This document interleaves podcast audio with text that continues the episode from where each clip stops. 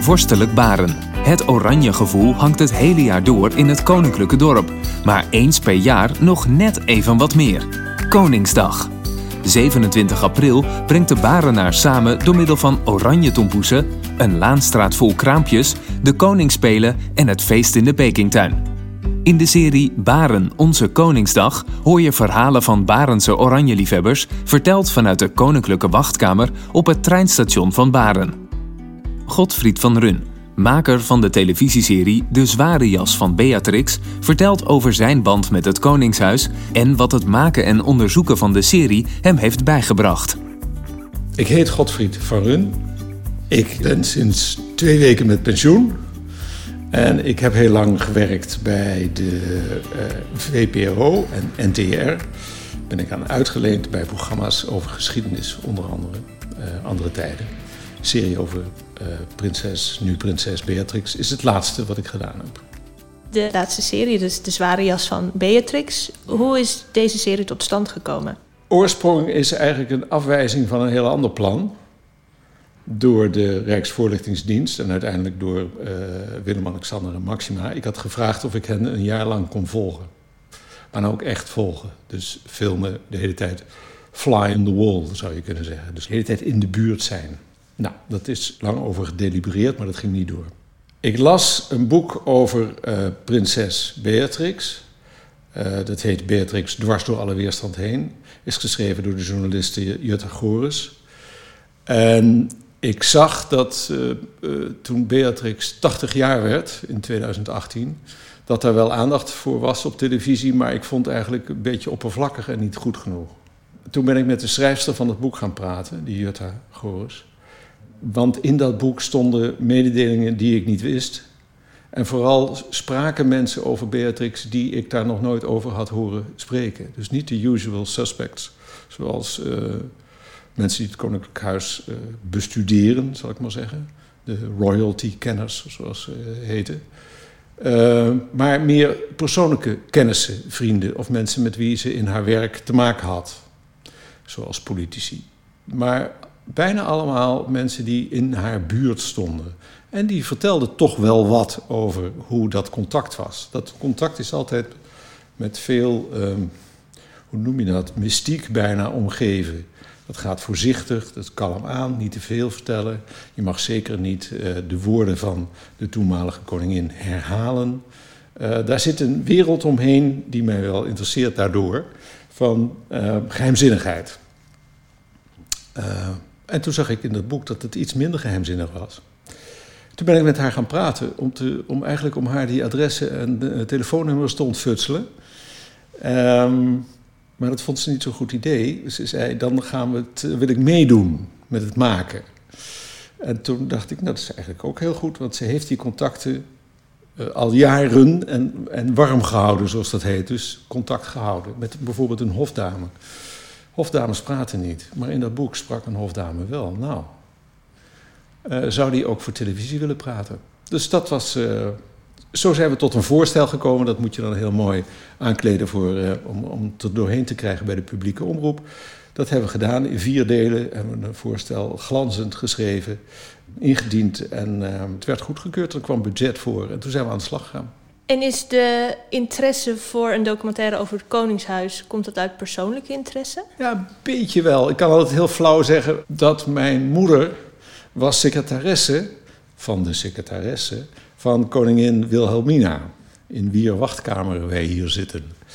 Maar ze kon niet eens tikken, dus het was niet zo'n geweldige secretaresse. Maar ze heeft er wel veel plezier gehad. En ik heb er wel verhalen van gehoord. In de tijd pal na de oorlog. En voor andere tijden heb ik programma's gemaakt, ook wel over Soesdijk, hier vlakbij. Hè, um, over dat paleis dat leeg staat.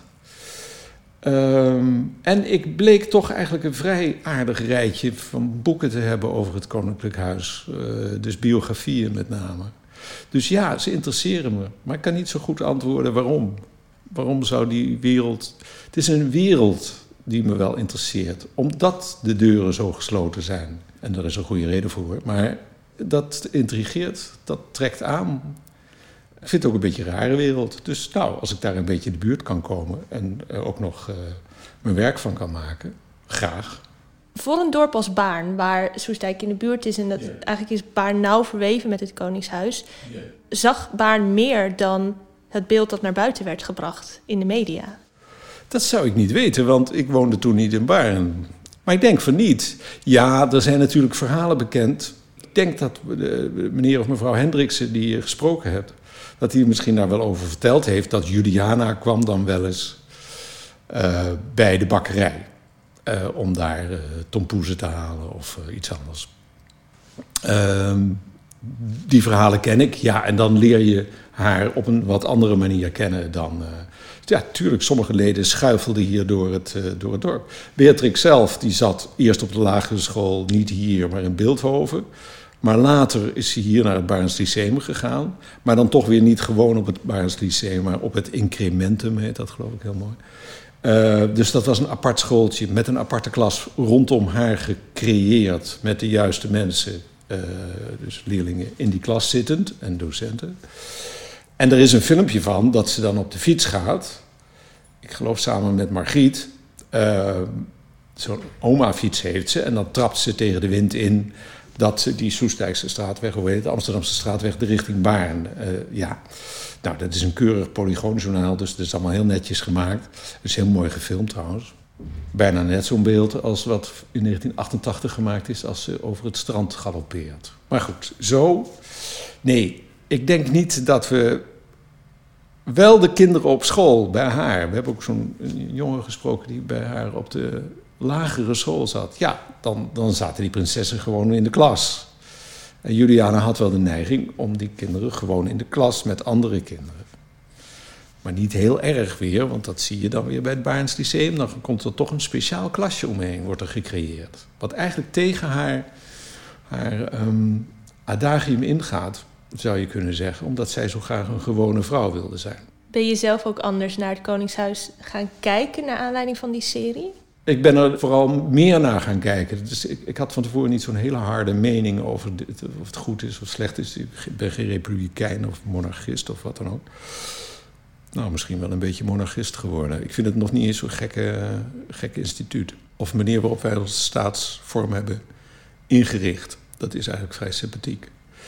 Maar wat nieuw voor mij was, als het gaat om het koningschap van Beatrix, dat is de rol van Klaus. We kennen Klaus over het algemeen. Ik kende Klaus als een man die vrij vroeg in haar koningschap ziek werd. Ze is in 1980 aangetreden. Twee jaar later wordt duidelijk uh, dat hij aan depressies lijdt. Twee jaar later. Ze is uiteindelijk 33 jaar koningin. Dus dat, ze moet dan nog, bij wijze van spreken, 31 jaar. Weet ze op dat moment niet. Maar goed, ze moet nog een hele tijd. Ik dacht, nou, dan is die rol van Klaus wel een beetje uitgespeeld. En dat is niet waar. Klaus blijkt in al die jaren op de achtergrond, weliswaar, en helemaal niet tot zijn plezier op de achtergrond, haar bijgestaan te hebben en haar gestuurd te hebben, of nou ja, gesteund. En misschien een bepaalde richting in, een duwtje gegeven. Uh, door het meeschrijven van speeches bijvoorbeeld. ze heeft een aantal belangrijke speeches in haar uh, periode gehouden. Waarin ze echt bezig was om haar macht noem ik dat maar, invloed te verkennen. Hoe ver kun je gaan? We hebben een koning als staatshoofd, maar die heeft eigenlijk niks te vertellen. Die mag informeren, die mag aanmoedigen en die mag nog iets doen, maar in ieder geval niet beleid bepalen. Dat is het laatste wat hij of zij mag doen. Maar Beatrix heeft wel geprobeerd om dat enigszins ruim te interpreteren en te kijken of ze kans zou krijgen van met name de minister-president die ze dan heeft. Want die is verantwoordelijk. En eh, als die zegt: Sorry, dat gaat niet door, dat gaan we niet doen, dat zal hij wel iets anders vertellen, maar daar komt het wel op neer, dan gaat het niet door. Zo simpel is het. En je ziet dat Beatrix iets wil. En een idee heeft en idealen heeft en activistisch is eigenlijk. Uh, op sommige terreinen is het de linkse tante, kun je het gewoon wel noemen. Altijd keurig netjes, maar toch een linkse tante. En dat vind ik leuk. Dat is karakter. Uh, en dat heeft ze getoond in haar uh, koningschap.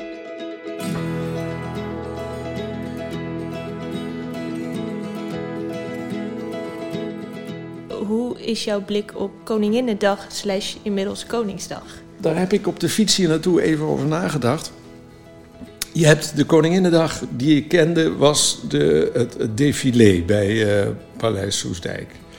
Daar staan ze dan, stonden ze dan te zwaaien vanaf. Nou, wat is het eerste défilé? 49, denk ik, 1949 geweest. Tot en met de hele periode van uh, uh, Juliana, dus dat is geëindigd in 80.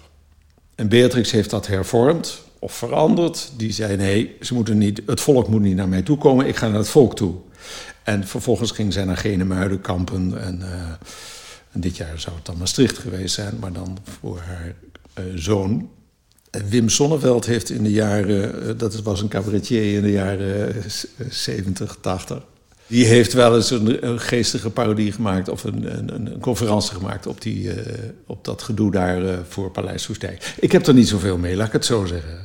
Ik zou niet daar langs gaan paraderen en zo. In die zin heb ik niks met het Koningshuis. Hoe noem je dat? Verering of zo. Dat vind ik eigenlijk een beetje. Ik vind dat mensen zichzelf tekort doen als ze daar gaan rondlopen. En de viering van de rest van Nederland, hoe, hoe het er nu uitziet? Ik moet bekennen dat ik ook uh, vaak een. Uh, ik heb één oranje vliestrui. En die trek ik dan toch aan. Dat is vrij belachelijk. Ik heb heel lang geen vlag gehad. Maar nu heb ik er een en nu gaat die ook uit. Want ja, je moet dat ding gebruiken, anders is het zonde. Dus die gaat uit op 4 mei, half stok op 5 mei uh, in top. En op Koningsdag of Koninginnedag gaat hij in top. Ja, ik heb geen oranje wimpel. Dat gaat me dan weer dat. Dat weer niet. Ja, dat vind ik dan weer een... Uh, nee. En hoe sta jij tegenover het idee van Woningsdag? Nou, een beetje dubbel. Kijk, als je doet, doe het dan goed en ga dan uh, plays werpen of ik weet niet wat ze allemaal doen. En, uh, um, nee, weet ik niet. Ja, ik vind het. Kijk, Willem-Alexander is nu wat vaker in beeld omdat vanwege de coronacrisis. Hij heeft het laatst uh, ons toegesproken van achter zijn bureau. En hij spreekt. hij doet zijn bezoeken ook vanaf zijn bureau op het ogenblik. Dat vind ik heel verstandig en heel goed. En vond ik ook dat hij dat heel, heel goed deed. Vooral voor zijn doen, want ik vind het geen begenadigd spreken.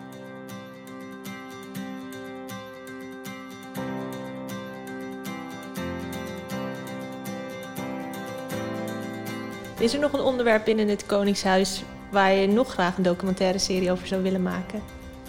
Nou, een serie weet ik niet, maar er is wel een onderwerp. Er zit, wel een onderwerp in mijn achterhoofd. Uh, een geschiedenisonderwerp. Uh, om nog eens een keer misschien een documentaire, als dat kan, over te maken. Dat is um, de verhouding tussen het Koningshuis en de Joodse gemeenschap in Nederland. Die is interessant.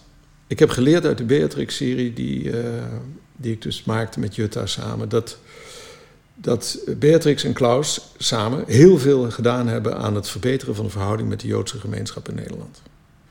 En die was behoorlijk versteerd. Uh, met name door de oorlog, in de oorlog. Met name door Wilhelmina.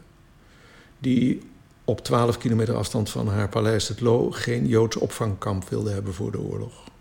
Dat vond ze vervelend, die mensen zo in de buurt. Ze heeft vanuit uh, Londen niet zoveel aandacht besteed. Daar sprak ze dus voor Radio Oranje in de oorlog.